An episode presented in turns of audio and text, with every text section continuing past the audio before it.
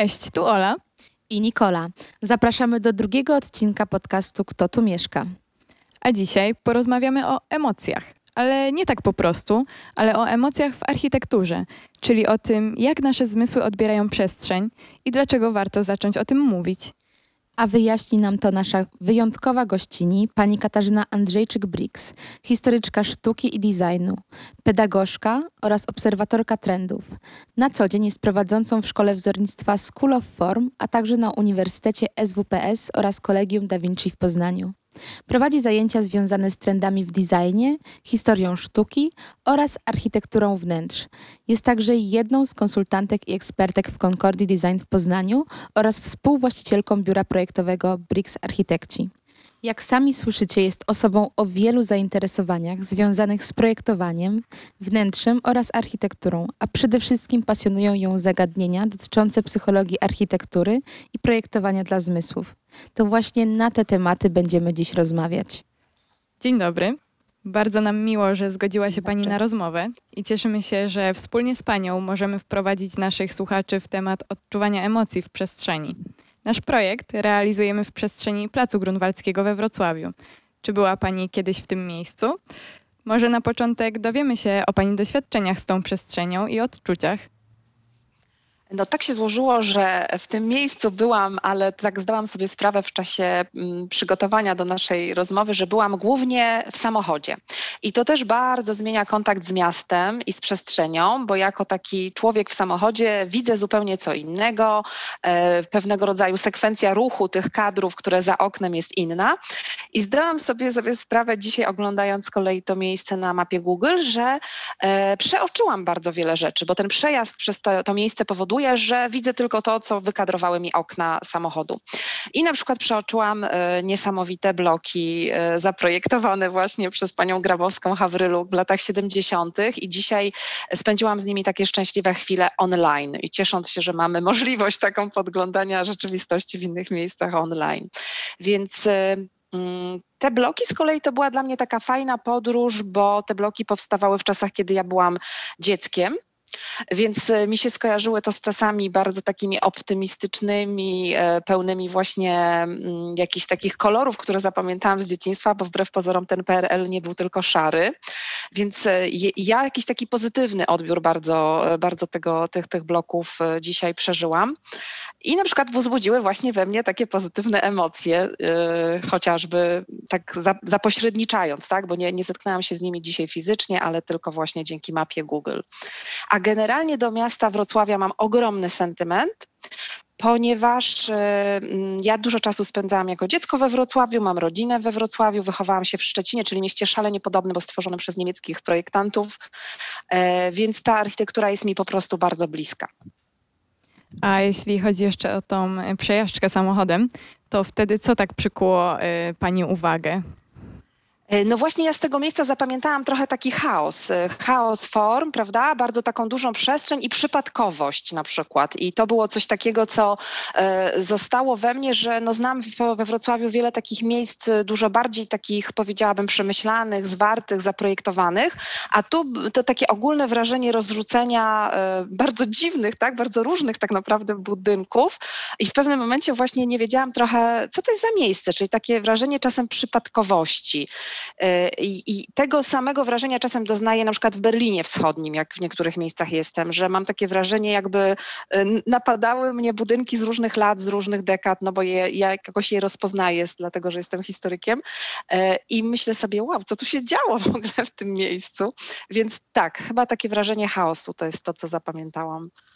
A kiedy pani właśnie teraz patrzyła gdzieś przez te mapy na, na Plac Grunwaldzki, to dalej było to uczucie chaosu, czy już jednak jakoś się to uporządkowało? Y, no dzisiaj właśnie przyciągnęły mnie te, te, te, te, te osiedle, Plac Grunwaldzki bardzo mocno mnie przyciągnęło i też to jest oczywiście trochę taki okłamany punkt widzenia, bo jednak patrzyłam na to jakby z punktu widzenia Boga, prawda, czyli gdzieś jakby z góry na tą, na tą przestrzeń dzisiaj, e, więc też myślę, że to jest oczywiście takie nieprawdziwe wrażenie, bo co innego stanąć fizycznie na tym placu, odczuć jego wielkość, e, e, powietrze, tak, poczuć czy tam jest e, dużo ludzi, czy mało, to są zupełnie inne wrażenia. Więc pewnie jakaś wycieczka mnie czeka teraz po naszym projekcie. Zapraszamy.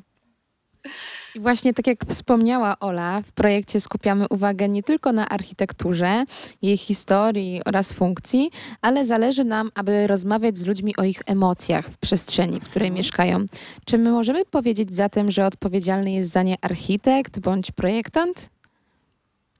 Y, No, to nie do, nie do końca. Tutaj też chciałabym trochę bronić architektów, y, projektantów, ponieważ y, pewnie zdajecie sobie sprawę, bo już jakby w tym projekcie jesteście, więc widzicie, że architektura jest bardzo złożoną dziedziną, takim bardzo też długim procesem, jest długa, długi proces od projektu do realizacji i to jest gra zespołowa, czyli architekt jest tutaj bardzo ważną postacią, ale jednak nie decyduje on o każdym aspekcie tego, co ostatecznie powstanie. No bo to nie jest mm, dziedzina jak na przykład pisanie poezji, że weźmiecie kartkę papieru i po prostu macie myśl, ten papier, zapiszecie to i już właściwie ten utwór jest gotowy. Żeby architektura powstawała, y, trzeba mieć sporo pieniędzy, trzeba mieć prawo za sobą, tak? Trzeba mieć inwestora, trzeba mieć e, ludzi, którzy to wybudują i zrealizują wasz projekt zgodnie z założeniami, bo jeszcze na drodze się zdarzą różne takie e, oszczędności typu zamienimy materiał na prawie taki sam, albo uprościmy sobie projekt, bo jest za trudny dla naszej ekipy do wykonania. E, Więc mm, no właśnie myślę sobie, że architekt to jest taka rola strasznie trudna, bo trzeba nad wszystkim czuwać, a nie do końca jest się w stanie przewidzieć, jaki będzie ten efekt, prawda? Że to jest wypadkowa działania bardzo wielu ludzi.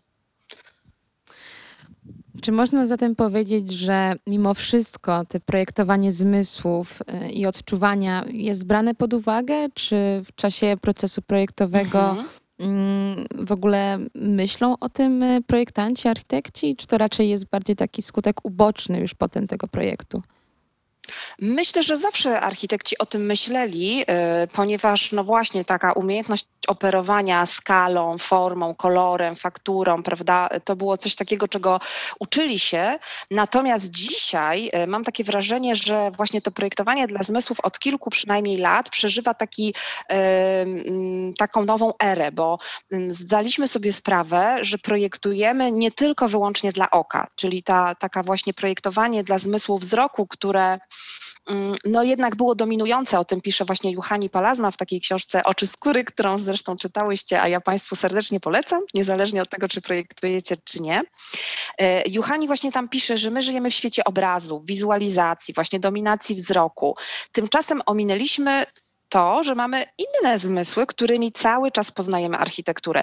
I ja nawet jak mam jakieś zajęcia właśnie nie tylko z projektantami, czy to są warsztaty tam dla dzieci, czy dla młodzieży, czy jak miałam w domu seniora warsztaty z architektury, to zawsze mówię, że na architekturę jesteśmy wszyscy skazani. Ona jest scenografią naszego życia, tak? Gdzieś się rodzimy, w jakimś szpitalu, rodzice wiozą nas do domu, w tym domu mieszkamy, idziemy do jakiejś szkoły, chodzimy do teatru. To wszędzie jest e, architektura i ulica, prawda? I, i placyk, na którym się bawimy. E, to jest nasze miasto, wioska, ulica. I to są doświadczenia, które są już tym doświadczeniem architektury. Żeby pójść zobaczyć obraz, musimy iść do muzeum czy rzeźbę, prawda? Chyba, że jest to oczywiście miejska jakaś sztuka, ale y, musimy dokonać jakiegoś wyboru tego spotkania. Tu nie ma wyboru. Żyjemy w architekturze i nasze ciało cały czas jest w kontakcie z architekturą. Czy tego chcemy, czy nie, ono je mi- mierzy tą architekturę, podświadomie ją ocenia, nie? To jest takie ciekawe zjawisko.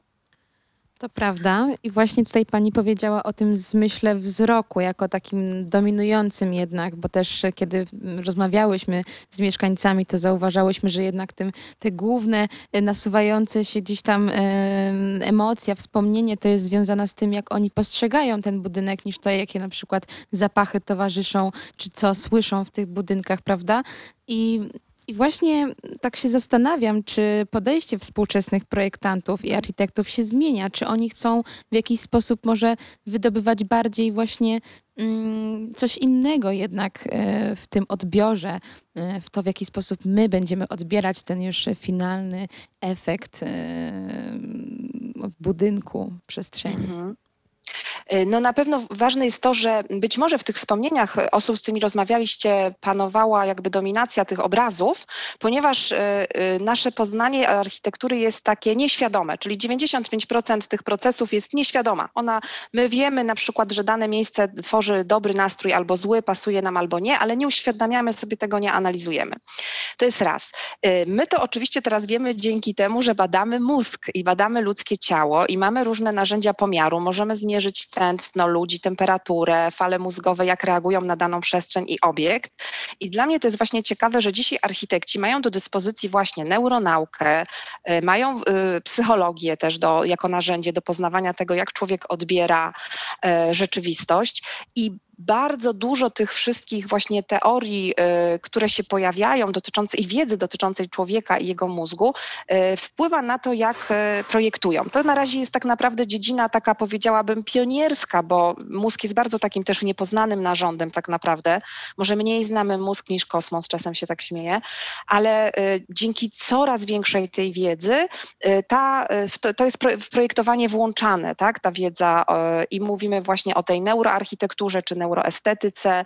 E, już właściwie nawet jak byłam w 2019 w Mediolanie i e, to właśnie Google w porozumieniu z inną firmą skandynawską projektującą meble, mierzył wręcz e, jak dane wnętrze jest przyswajane przez ludzi za pomocą takiej noszalnej technologii, czyli ludzie byli oznakowani po prostu, mieli na sobie zegarki specjalne i po prostu dostawali taką zwizualizowane dane o tym, jak czuli się w danej przestrzeni. Tylko tak jak mówię, to są dosyć nowe dziedziny, natomiast mamy nowe narzędzia i poznajemy coraz więcej. Wiemy na pewno, że przestrzeń oddziałuje, wiemy, że może oddziaływać pozytywnie albo negatywnie i wiemy, że architekci powinni brać również pod uwagę właśnie te aspekty w projektowaniu i, i projektanci designu także. A co w takim razie tak naprawdę wpływa na nasze emocje w przestrzeni? Bo powiedzieliśmy właśnie o tym wzroku, o wspomnieniach, ale co mhm. jeszcze na nas oddziałuje? Tak naprawdę wszystko, czyli jakby poznanie jest wielozmysłowe i następuje wieloma kanałami, które się ze sobą ciągle kontaktują. Czyli można powiedzieć, że troszkę inaczej będzie przebiegało to poznanie przestrzeni y, u mnie, czy na przykład u Was, prawda? Bo mamy różne mózgi, różne ciała, czyli nawet ta nasza y, neuroróżnorodność taka mózgowa powoduje, że już inaczej odbieramy przestrzeń. Poza tym oczywiście wpływa na to również y, nasze doświadczenie, czyli to, co przeżyliśmy, jakie zebraliśmy też w tym mózgu informacje, bo zobaczcie, że y, my nie musimy dotykać różnych rzeczy, żeby wiedzieć, jakie mają faktury, bo już nasz mózg przez całą nasze życie stworzył bibliotekę tych wszystkich faktur, smaków, odczuć, temperatur nawet w głowie, więc ten mózg się cały czas odnosi do tej wiedzy. Ale co jest też zabawne takie czasem dla mnie, jak czytam o różnych badaniach, to również mm, wiedza o czymś wpływa na to, jak odbieracie przestrzeń. Czyli na przykład są takie badania, w których badano e, ludzi w biurze takim typu open space, e, gdzie jest zwykle dużo hałasów, podzielono ich na grupy e, i puszczono im w tle muzykę typu biały szum. Takie właściwie niesprecyzowane dźwięki, które miały im dać takie poczucie, że mm, no, że uspokaja im to powiedzmy sobie, czy niweluje ten hałas panujący y, dookoła. I jednej grupie powiedziano, że to jest technologiczny dźwięk, taki stworzony właśnie przez maszyny, a drugiej grupie powiedziano, że to jest szum strumienia i że to natura stworzyła te dźwięki. I wyobraźcie sobie, że w tych badaniach dużo lepiej czuła się ta grupa, którą poinformowano, że y, to jest dźwięk natury.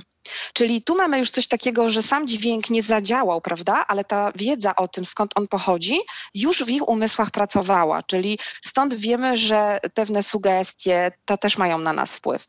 Albo na przykład wiedza taka dotycząca e, przeszłości czy skojarzeń. Jeżeli ja jestem historykiem sztuki i przechodzę koło budynku, to ta moja wiedza, wiecie, wytrenowana w Instytucie w Historii Sztuki w Poznaniu, jak same się domyślacie, powoduje, że wszystkie elementy zdobnicze, yy, prawda, jakieś tam elementy gzymsu, motywy dekoracyjne, maszkarony i jakieś finezyjne wicie roślinne na klamkach ożywają. Ja po prostu wiem, że to jest wycieczka w XVIII wiek, w XIX wiek, a to jest ukłon w stronę jakiejś tam grupy. I dla mnie ten budynek mówi dużo więcej niż dla osoby, która nic nie wie, a przechodzi, tak? Natomiast oczywiście ona też może czerpać z tego przyjemność, bo ona jakby może doznawać po prostu takiej bez tej wiedzy wrażenia, że ojej, to jest naprawdę niesamowite, albo na przykład mam tu kontakt z czymś dawnym, prawda? Ona nie musi tego jakby dekodować, ale mówię, o, to jest na przykład taki stary budynek i daje mi to poczucie na przykład e, łączności z czymś e, takim jak przeszłość. Więc to jest też zabawne, jak ten mózg dziwnie pracuje, prawda? I każdy z nas odnajduje taki swój klucz do rzeczywistości. E, ja na przykład wiem to po sobie, bo wychowałam się w bardzo fajnej dzielnicy w Szczecinie, po niemieckiej dzielnicy, która była zaprojektowana według idei miasto ogród. I byłam tylko małym dzieckiem, które nic nie wiedziało, wychowało się w rodzinie, która nie miała żadnych tradycji architektonicznych i rozumiecie, krążyłam sobie rowerkiem po tej dzielnicy, ale wszystko tam na mnie oddziaływało. Ukształtowanie terenu, ogrody wokół tych willi. Ja czułam, że to jest coś bardzo pięknego, a dopiero po 25 latach dowiedziałam się, że to było zaprojektowane z myślą o tym, żebym ja się tak poczuła. Czyli wiedza to jest ważna rzecz, ale nie najważniejsza. No właśnie, i tutaj Pani odnosi się do e, zieleni, do natury, e, czyli coś, co wpływa dobrze na nasze samopoczucie. Mhm. Też e, wspomniała Pani o przeprojektowywaniu takich bi przestrzeni biurowych, open space'ów, gdzie też teraz dość popularnym jest takie aranżowanie i dodawanie więcej zieleni, żeby jednak pracownicy czuli się dobrze. No i tak w zasadzie ciekawym to jest też aspektem, czy w takim mhm. razie architektura architekci starają się projektować w zgodzie właśnie z nią, czyli z naturą? Czy jest ona w dzisiejszym tym zmodernizowanym świecie dla nich inspiracją? No myślę, że ogromną, że ten trend, taki trend właśnie mm, z jednej strony to jest ten zrównoważony design, tak, a z drugiej strony jest na przykład biofilic design, czyli ten biofiliczny design, który tak jakby upodobał sobie formy wzięte z natury, wszystko co żyje, tak, to jest jakby dla niego ważne. I y, myślę, że to wynika oczywiście z tego, że żyjemy w świecie, gdzie ludzie mają świadomość takiej katastrofy ekologicznej, zagrożenia tej natury, więc tym bardziej ta natura się staje y, pożądanym takim elementem. Druga rzecz, żyjemy y, 95% swojego czasu w przestrzeniach zamkniętych, albo żyjemy, duża część z nas żyje w miastach. Jeżeli ta urbanizacja będzie podążała jakby dalej, to wiemy też, że mm, ludzie będą chcieli, żeby to miasto oddziaływało na nich w taki bardziej pozytywny sposób. I mamy taki trend trochę, e, jak to nazywamy, wsiowieniem miasta, prawda? Dziczeniem miasta, zauważcie, że wprowadzane są, już jest inna roślinność w ogóle wprowadzana. Są takie plany, żeby wprowadzać w ogóle bardzo dużo zieleni, na przykład w serce Paryża są, czy tam Londynu, gdzie mamy rozbetonowywanie i jakby dziczenie, zalesianie, no może nie zalesianie, ale takie łąkowienie tych terenów, tak? E, oczywiście są to też rośliny w domu. My mamy na to dane, że na przykład w Polsce przez ostatnie 3-4 lata sprzedaż roślin domowych wzrosła chyba o nie wiem, 50 czy więcej procent, czyli ludzie kupowali tą, te rośliny, żeby sobie urozmaicić wnętrza. E, I oczywiście mam też takie wrażenie, że to wzmocniła pandemia bo ludzie zamknięci w tych domach, y, jak my robiliśmy badania w Concordii Design i ludzie wpisali do nas w ankietach, y, co najbardziej, za czym najbardziej tęsknili, to wiecie, co opisywali, to było bardzo wzruszające, że obserwują ptaka, który robi sobie gniazdo na drzewie, że cieszą się, że mają balkon, że bardzo się cieszą, że są drzewa na podwórku w kamienicy, gdzie mieszkają, że y, obserwują właśnie, jak kwitną jakieś tam rośliny. Czyli okazało się, że bez tej natury czy, ten, czy ta natura za oknem to był największy ich luksus. Marzyli, żeby mieć właśnie działkę, żeby mieć balkonik, żeby mieć może przydomowy ogródek. Więc chociażby to jest taki przykład tego, że doceniliśmy y, w momencie zamknięcia y, obecność tej natury. Mówiąc właśnie o pandemii, tak jak y, pani wspomniała, zostaliśmy w zasadzie zamknięci w naszych czterech ścianach i bardzo zbliżyliśmy się przez to właśnie z tą architekturą. E, I można powiedzieć, że społeczeństwo podzieliło się na tych, którzy spędzali ten czas zamknięci w samotności i na tych, którzy musieli tą przestrzeń dzielić e, z całą rodziną. E, czy ten czas wyznaczył właśnie jakieś nowe trendy w projektowaniu? Ja to sobie tak nazwałam, że to jest taki, że to był taki wielki test domu, bo, bo zobaczcie, na całym świecie od Ciechocinka właśnie po, po Hongkong wszyscy mieli bardzo podobne wrażenia, czyli powstało nawet dużo takich raportów. Ja oczywiście zainteresowane osoby z, odsyłam i do naszych badań w Concordii, ale też IKEA zrobiła taki raport, Vitra, dużo firm właśnie zajmujących się domem i mieszkaniem, bo okazało się, że to było bardzo trudne doświadczenie. Z jednej strony odkryliśmy dom na nowo jako takie serce, można powiedzieć, naszego życia, czyli taką intymną przestrzeń, e, która daje nam schronienie przed światem, który jest chaotyczny i nieprzewidywalny. No ale nie każdy miał tyle szczęścia, żeby się cieszyć właśnie spokojem w tym domu, szczególnie kiedy mieszkał z całą gromadą ludzi, którzy wykonywali wszystkie czynności naraz w tym domu. E, więc z drugiej strony to była trochę opresyjna sytuacja, że wiele osób marzyło o tym, żeby wyjść.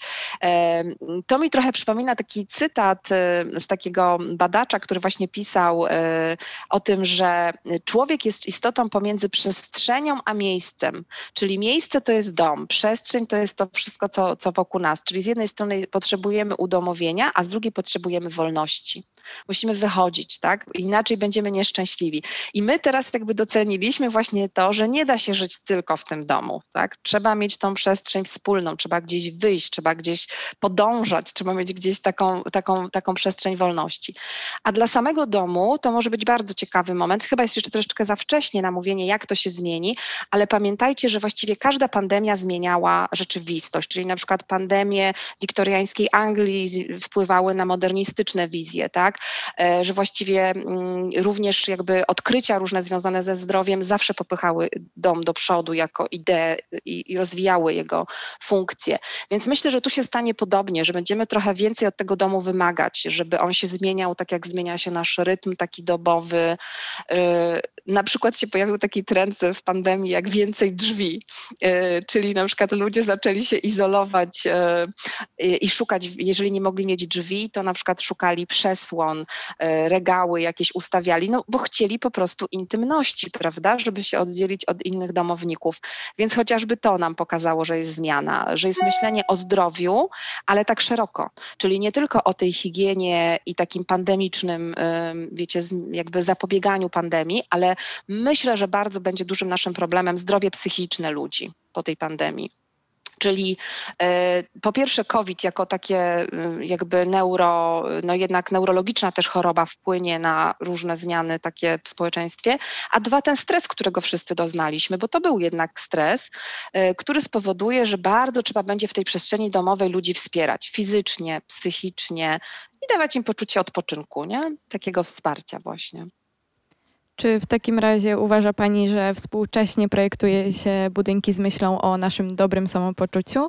Czy głos mieszkańców jest y, brany pod uwagę? E, no to tutaj zależy, kto buduje, prawda? Bo są projektanci o bardzo dużej świadomości którzy bardzo mocno wykorzystują tą wiedzę i starają się ją wcielić w życie, ale tak jak mówię, tu musi być jeszcze po drugiej stronie inwestor, który ma podobną e, taką aspirację i chęć, żeby tak było. E, bo wydaje mi się, że na pewno jest coś takiego, że coraz bardziej sobie zdajemy sprawę z tego, żeby włączać ludzi we współtworzenie miejsc, słuchać tych ludzi, żeby obserwować, jak oni się zachowują, bo tak naprawdę to oczywiście bardzo bardzo często ci nasi użytkownicy mówią nam na przykład, gdzie będą chodzić, prawda? Są różne teorie dotyczące nawet ścieżek poruszania się po osiedlach. Czy je robić, czy najpierw popatrzeć, gdzie ludzie chodzą i gdzie są te ścieżki pożądania i tam je wyznaczyć, prawda? Więc ja jestem bardzo za tym, żeby obserwować użytkowników, bo to jest przestrzeń dla tych ludzi. Ja, ja też zawsze jak projektujemy coś w naszym biurze, mogę powiedzieć, y, lubię to jako ja, ale jednak jak projektuję komuś dom, to w tym domu mieszka ta osoba. Jeśli ona mi mówi, żyję w ten sposób, tak i tak, i lubię tego typu światło, y, no to ja jednak idę, podążam za, tą, za tym odbiorcą, bo buduję mu dom, a nie pomnik, prawda, swojego wielkiego talentu projektanckiego. Więc jakby y, Myślę, że tego jest coraz więcej, natomiast to też zależy oczywiście od realizacji. Nie znam takich przykładów, na przykład jeśli chodzi o deweloperów, żeby współtworzyli z mieszkańcami, bo to jest prawie niemożliwe, bo nie mają jeszcze tej grupy, prawda, która im kupi to. Ale już byłam na takich e, warsztatach, e, słuchajcie, które były zanim deweloper się wziął do pracy to zaprosił na warsztaty właśnie użytkowników, tak sobie wytypował, że powiedzmy ta grupa bada, czy taka do badania była wybrana grupa, która być może odzwierciedla w przybliżeniu jego odbiorców i również ja przygotowywałam taki trendwatcherski raport, co dzisiaj prawda, się dzieje w projektowaniu, w technologiach, co jest ważne w takich miejskich realizacjach. Zderzaliśmy to z tym, co mówili ci ludzie, jak oni żyją, czego potrzebują i dopiero potem deweloper, i to byli też na tym, na tym e, warsztatach, byli też projektanci przyszli tego miejsca i dopiero potem właśnie miała powstać koncepcja, co to będzie za osiedle w sercu Poznania, tak? Więc ja się pierwszy raz spotkałam właśnie od tego, z tym, że zaczęto od najpierw takiego zastanowienia się, czego potrzebuje Polak w roku tam 2019, bo to wówczas były te warsztaty jeszcze przed pandemią, jak on żyje, jak spędza czas i jakie mieszkanie byłoby dla niego wartościowe. Także to było też ciekawe obserwować architektów, którzy musieli wytrzymać na tych warsztatach i wysłuchać tego wszystkiego. Czyli myśli Pani, że y, będzie coraz więcej takich projektów, gdzie y, właśnie realizatorzy tych projektów zapraszają mieszkańców w takie aktywne uczestnictwo w tworzeniu? No jeśli chodzi o ten polski rynek, no to tutaj mam niestety takie smutniejsze konkluzje, że jednak jakby deweloperka rządzi się bardzo takimi yy, prozaicznymi rzeczami, czyli to nie jest tak, że architekci nie przedstawiają deweloperom tych wszystkich nowych idei, bo wiem, że to robią, robimy to my, robią nasi koledzy po fachu. Natomiast oczywiście to są biznesowe często projekty i tutaj zależy od świadomości tego dewelopera. Są takie firmy, które rzeczywiście uwzględniają takie zmiany i idą w tą stronę i są takie, które jednak cały czas myślą arkuszem kalkulacyjnym i żeby to się po prostu spięło i żeby to się sprzedało. Więc to wszystko zależy od tego, czy zbudujemy sobie świadomość, ale może też ważne jest to, czego my jako konsumenci y, chcielibyśmy i oczekujemy. No i oczywiście za co możemy zapłacić, bo nie ukrywajmy, że w Polsce jest problem taki, że mieszkania są straszliwie drogie w porównaniu do zarobków ludzi i y, ciągle wydaje mi się, że nie mamy takiego pomysłu, jak, jak zrobić jakieś mieszkania bardziej dostępne albo na na przykład jak spowodować, żeby ludzie budowali domy, które będą estetyczne, ale nie zapłacą, jeśli nie mają na to pieniędzy, z jakichś straszliwych pieniędzy za projekt, prawda, że y, pozwalamy im budować bez pozwolenia jakieś małe y, domki i ja już widziałam, co się dzieje, jak pojechałam na Podhale i zobaczyłam te domki. Więc jeśli za chwilę będą to 70-metrowe domki, y, no to przepraszam, ale obudzimy się w takim domkolandzie dziwnych tworków, i y, będzie to zgroza. Więc jeśli chcemy jakby pomóc ludziom, to może dostarczyć im tanie, dobre projekty, według których stworzą te domki, prawda? No więc jakby mm, tego się troszeczkę boję, że y, u nas ciągle jest właśnie za mała taka świadomość i za mało się docenia wpływ tej architektury na nasze codzienne życie. I wiemy, że architektura może się przełożyć na konkretne też mm, takie wymierne korzyści dla miasta, że mogą miejsca być dzięki temu bezpieczniejsze, że może być mniejsza przestępczość, że mogą być bardziej prospołeczne te miejsca, że to nie jest inwestycja tylko w wygląd tych miejsc tylko w to, jakie będziemy tworzyć relacje, czy będziemy się czuć bezpieczni, czy otwieramy to miasto dla osób z niepełnosprawnością i z innymi potrzebami, tak? To jest wiele pytań takich, które, które trzeba byłoby sobie zadać. Także jestem taką, powiedziałabym, e, staram się być taką realistyczną optymistką, o tak bym powiedziała. Jakie wskazówki dałaby Pani ludziom, którzy po prostu przemieszczają się po mieście, jak mogliby um, zastanowić się nad tą architekturą, jak zwrócić na nią uwagę, jak, jak ją odczuwać tak świadomie? E, ja sobie tak myślę, że można sobie zrobić takie, takie zadanie e, trochę inspirowane książkami Kabata Zina, bo ja jestem fanką akurat właśnie książek o mindfulness i uważności. I on właśnie zawsze mówił o tym, że mm, jakby bardzo ważne jest takie skupienie się na własnych zmysłach, czyli jeśli mój odbiór przestrzeni jest nieświadomy, bo ja zwykle gdzieś pędzę, lecę, śpieszę się, to może sobie wykonać takie zadanie, że usiąść w jakiejś przestrzeni, zamknąć oczy i spróbować sobie wyobrazić, e, zapamiętać dźwięki prawda? E, te dźwięki nam dużo czasami mówią i o tym, co się dzieje w tej przestrzeni, czy nam jest przyjemnie, czy nam jest nieprzyjemnie. Może spróbować wychwycić jakieś zapachy, a może na przykład w tej, z tymi zamkniętymi oczami dotknąć jakiejś przestrzeni wokół nas, czy to daje nam jakieś fajne wrażenia takie dotykowe. E, nawet obserwowanie, jak się ludzie zachowują, czy w, ty, w tych, czy w tych miejscach, gdzie ja usiadłem, na przykład inni ludzie się też zatrzymują, to też jest taka ciekawa informacja, bo tu się nie da oszukać. Ludzie wybierają intuicyjnie miejsca, które są dla nich dobre, prawda? Mm, Więc jakby mm, spróbować sobie y, uruchomić inne zmysły niż wzrok, czyli właśnie ten zapach, dotyk, e, może w jakiś sposób również ten, tą uważność na obserwowanie innych ludzi. Ze smakiem jest pewnie gorzej, ale też tutaj powiem, że właśnie ja jestem fanką książek e, Spencera i on pisze właśnie gastrofizyka, to jest taka fajna książka, na pewno już widzę, że znacie. I właśnie tak, no więc ja właśnie on mówi o tym, jak bardzo nawet na smak wpływa architektura i projekt wnętrza, prawda, na odczucie słodkości, słoności, więc może poobserwować to w ten sposób. Po prostu zrobić coś inaczej, prawda, takiego, żeby stymulować nasz mózg, który działa jednak zwykle bardzo powtarzalnie. A tutaj możemy się zachować inaczej i tylko na chwilę usiąść i włożyć się w taką nową sytuację. Albo na przykład przypomnieć sobie, co sprawiało y, przyjemność mi w dzieciństwie, bo ja zawsze ze studentami na aranżacji robię coś takiego, że właśnie im mówię, że odczucie tej architektury jest bardzo głęboko zakopane na początku, w tym pokoju dziecinnym być może nawet, i żeby spróbować sobie przypomnieć jakąś ulubioną e, tapetę, a może kwiat, a może widok za oknem. E, Bardzo często się okazuje, że my potem podświadomie tego szukamy, tylko nawet nie wiemy. Nie? Że to jest coś takiego. Uśmiechacie się, więc widzę, że coś jest na rzecz. Uśmiechamy się, ponieważ y, mm, chciałyśmy jeszcze w zasadzie zapytać Panią właśnie o radę dla osoby, która źle się czuje w swojej przestrzeni, w swoim Mhm. mieszkaniu. I wydaje mi się, że to wspomnienie może z dzieciństwa, może takich przyjemnych chwil y, jest na to odpowiedzią, ale w zasadzie może, może jest coś innego, od czego możemy zacząć, kiedy nie odpowiada nam miejsce, w którym, w którym jesteśmy.